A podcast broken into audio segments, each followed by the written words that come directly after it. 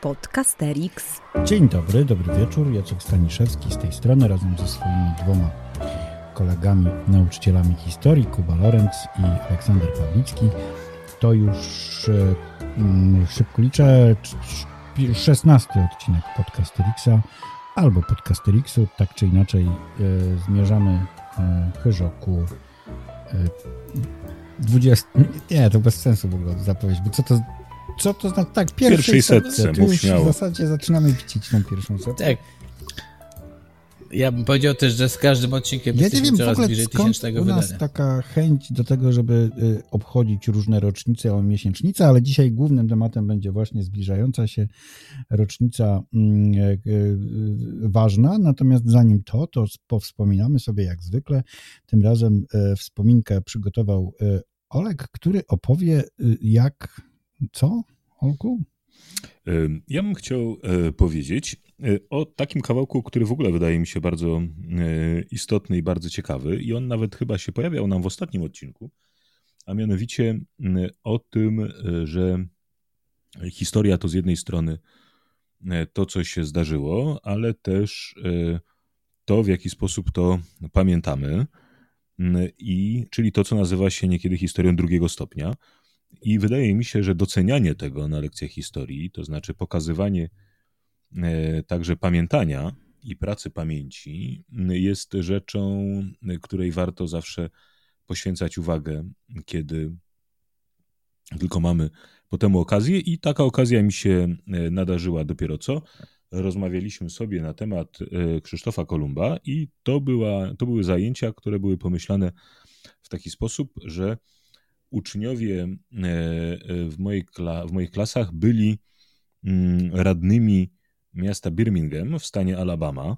To jest naprawdę istniejące miasto, w naprawdę istniejącym stanie, w którym e, to prawdziwym mieście, prawdziwym stanie stał prawdziwy pomnik Krzysztofa Kolumba, który to pomnik postanowiono zwalić. I jak się domyślacie, doszło do bardzo zaciekłej dysputy między obywatelami tego miasta dotyczącej tego, zwalać czy nie zwalać. I ta lekcja e, była lekcją podwójną, to znaczy była z jednej strony lekcją, o, która, która zmierzała do tego, żeby ocenić postać Krzysztofa Kolumba, przyjrzeć się temu, jak możemy na Krzysztofa Kolumba e, patrzeć, czy należy go e, podziwiać, czy potępiać, czy może też znaleźć jakąś równowagę w jego ocenie, ale też w jakim stopniu to, czy będziemy go upamiętniać i jak będziemy go upamiętniać, zależy od tej oceny mm, i jakie są ewentualnie konsekwencje zmieniających się ocen. Kuba, to trochę taki twój temat, bo ty lubisz te Tak, ja te wątki y, antykolumbowskie jakoś są mi bliskie i śledziłem je swego czasu nawet dość intensywnie, bo ta dyskusja, o której Olek mówisz, to ona przecież nie trwa od teraz tylko ma co najmniej od, e, od 500. rocznicy tak zwanego odkrycia Ameryki przez Kolumba się przetacza, tylko ze zmienną intensywnością w różnych okresach. Więc tak, tak. Ale y, ona się ostatnio dosyć mocno rozszerzyła, dlatego że w związku z tym ruchem Black Lives Matter zaczynają się również niszczenia innych pomników, takiego jakby chociażby jak Cecil Rhodes czy Edward Colston w Bristol, też, e, czy tam w Bristolu został również e, skąpany w wodzie. Akurat Cecila Rhodesa to po prostu skroplono farbą. E, I to moim zdaniem są fantastyczne możliwości. Wtedy, kiedy tak jak ty nam tutaj opowiadasz, możemy rozmawiać o historii na dwóch poziomach, bo z jednej strony mamy tego Rhodesa czy Kolumba jako bohatera y, pewnej opowieści, y, którą dobrze znamy, takiej wytartej narracji, a z drugiej strony mamy tę walkę z pamięcią, czy dyskusję z pamięcią o niej.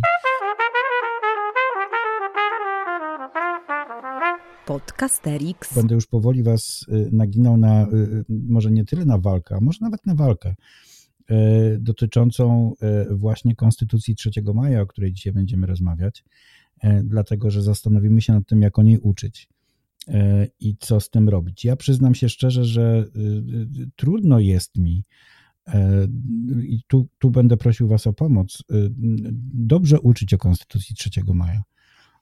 mam takie zawsze wrażenie niedosytu trochę, kiedy o niej uczę, bo po pierwsze wydaje mi się, że mm, no, jest to wydarzenie, które jest jednym z ważnych wydarzeń tamtych czasów prowadzących do trzeciego rozbioru, a z drugiej strony, bo to jest ten czas rozbiorowy, a z drugiej strony nie do końca umiem wytłumaczyć moim uczniom,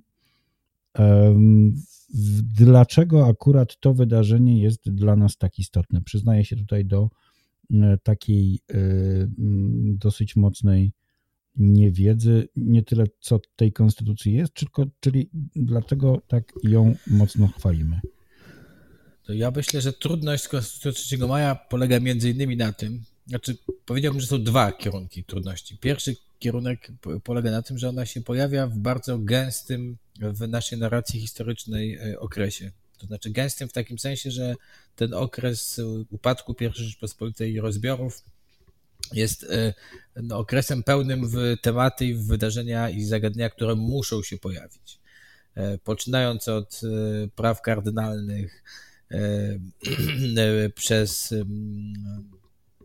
przez Konfederację Barską, oczywiście wcześniejsze elekcje, E, Stanisława Augusta Poniatowskiego, powołanie Komisji Edukacji Narodowej, pierwszy rozbiór Polski, e, sojusz z Prusami i tak dalej, i tak dalej. Tam jest po prostu strasznie, a później jeszcze po Konstytucji e, to oczywiście insurekcja kościuszkowska, trzeci rozbiór. Tam jest bardzo dużo takich wydarzeń, które są takimi kamieniami milowymi naszej narracji o upadku I Rzeczpospolitej. I w tym kontekście ta konstytucja trochę ginie wśród tych innych E, no, wysokich szczytów, które się tam pojawiają w tej, e, w tej opowieści. E, a wydaje mi się, że, no, że jest to jeden z wyższych wierzchołków, które się tam pojawiają. I, i, no i fajnie byłoby go nie zgubić. No ale trudność jest. A druga trudność wynika, przynajmniej dla mnie, z, z tego faktu, że Konstytucja 3 maja, choć jest pisana piękną polszczyzną, to nie jest takim dokumentem, z którego można E, w łatwy sposób wprowadzić uczniom trzy cytaty na zajęciach, trzy fragmenty tekstu źródłowego i e, te fragmenty się mocno przykleją. To znaczy, że trudno jest o e, całej głębi zmian, które niosła ze sobą Konstytucja 3 maja i o całej masie rzeczy, które, które wprowadzała, które były nowe E, albo e, zupełnie nowe i zmieniały e, to, co było w przeszłości, albo były prorocze w jakimś sensie dla tego, co, co było przyszłością, co było w przyszłości, były po prostu w jakiś sposób nowoczesne, no to trudno jest każdy z tych elementów ważnych, istotnych obudować źródłowo i siłą rzeczy o całym szeregu zmian po prostu uczeń się dowiaduje z, albo z narracji podręcznikowej, albo z opowieści nauczyciela. No i upatruję w tym taką trudność, że to nie, nie jest, y, że trudno jest zrobić z tego tekst ikoniczny. Zresztą, jeśli zwrócicie uwagę, to poza takimi bardzo obszernymi y, zbiorami materiałów źródłowych, y, w których Konstytucja 3 maja czasem jest w ogóle in cytowana, albo z bardzo niewielkimi ograniczeniami, to cytaty podręcznikowe ograniczają się zazwyczaj do dwóch elementów. Albo do strony tytułowej, która pewnie pojawia się w każdym podręczniku, albo do fragmentu dotyczącego sprawy chłopskiej. Pozostałe, pozostałe cytaty, a przecież tam jest cała masa bardzo donośnych zmian w, w historii ustroju, e, no, są właśnie w tej, w, w, tej, w tej formie źródłowej no, nieobecne albo bardzo, bardzo słabo obecne. No i to jest jakaś trudność e, w tym, jak, jak z tą konstytucją 3 maja e, pracować. A Olek, jak uczy o konstytucji? Jakoś bardzo rezonuje we mnie ten kłopot, o którym powiedziałeś, to znaczy to pytanie o to, jak rozumiem, jak rozumiem na, na, czym w istocie polega jej znaczenie, bo to myślę sobie, że ten kłopot w ogóle można przekuć w siłę tej lekcji. To znaczy, y, to w jakim stopniu może być też lekcja osnuta wokół pytania, co w ogóle sprawia, że jakieś wydarzenia historyczne uznajemy za znaczące. I przypomina mi się taka propozycja, którą na początku lat 80.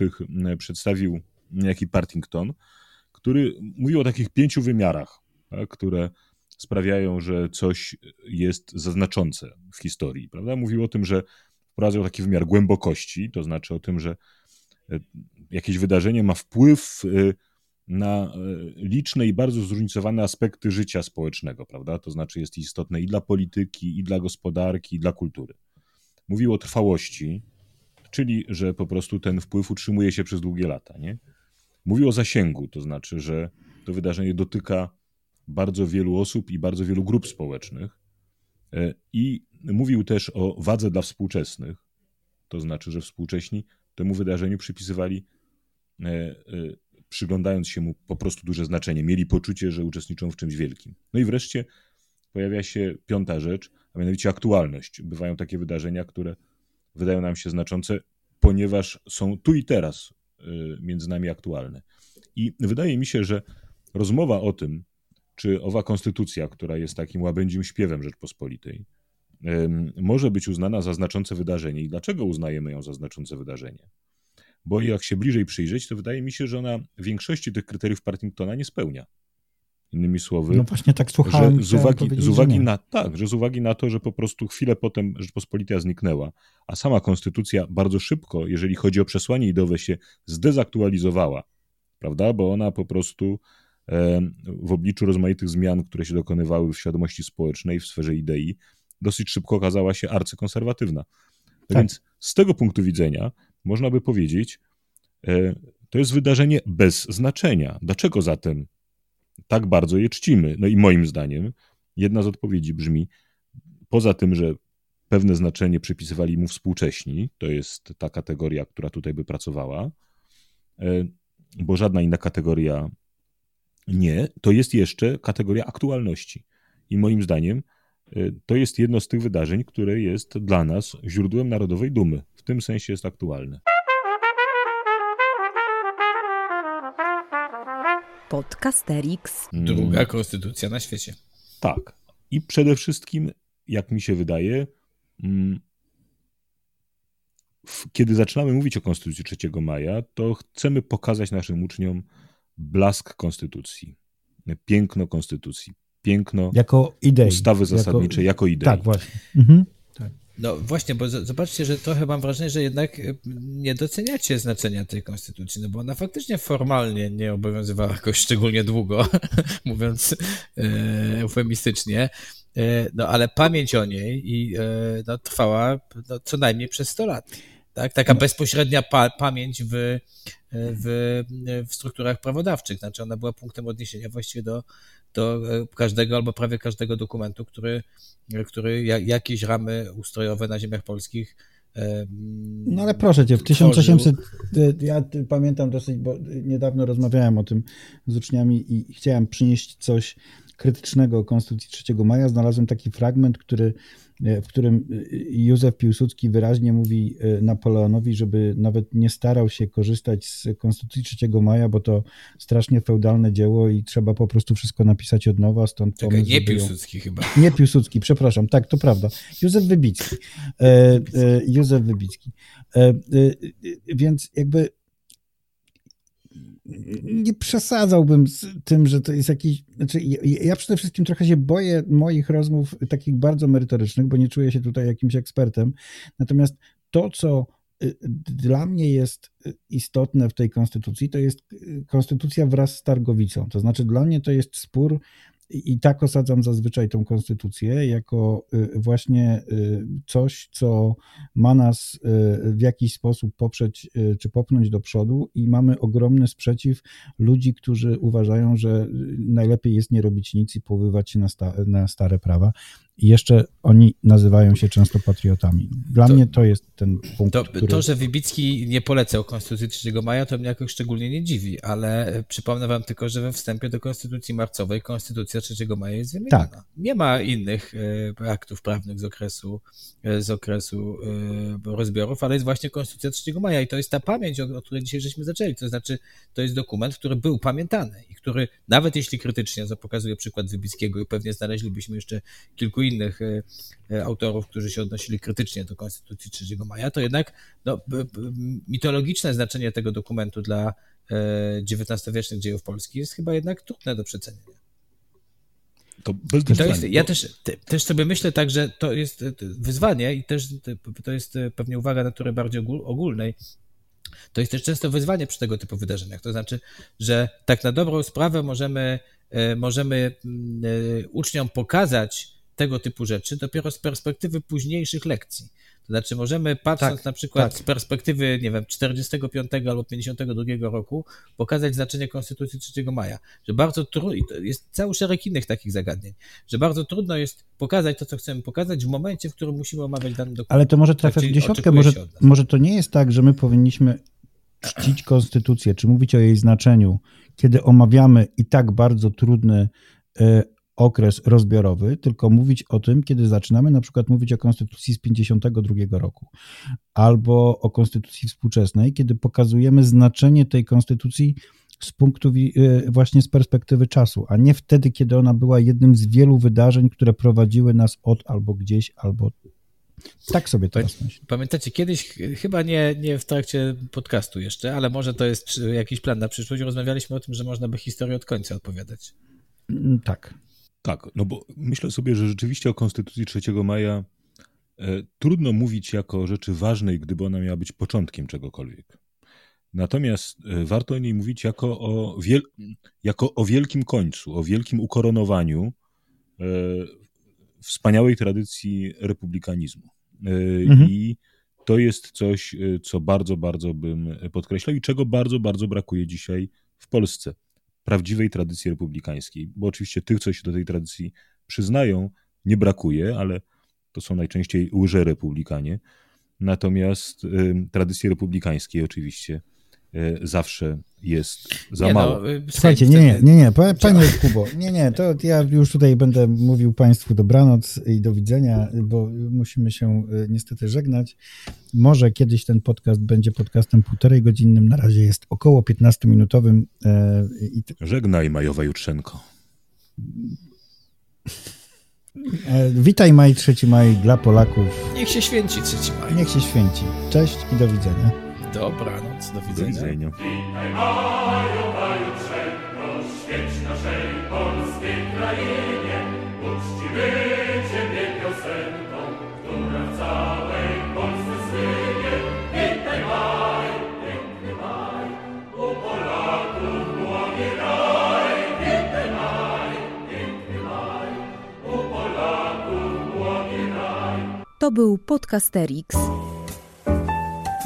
Wysłuchali Państwo kolejnego odcinka podcastu trzech nauczycieli historii, którzy lubią sobie pogadać o swojej pracy, bo ją po prostu uwielbiają.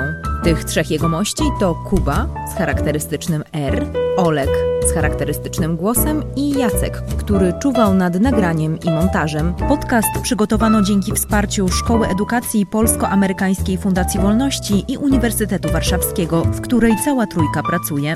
Więcej informacji na stronie szkolaedukacji.pl. W czołówce wykorzystano dźwięki na wolnych licencjach, a głosu użyczyłam ja, czyli Adriana Bąkowska. Zapraszamy na kolejny odcinek.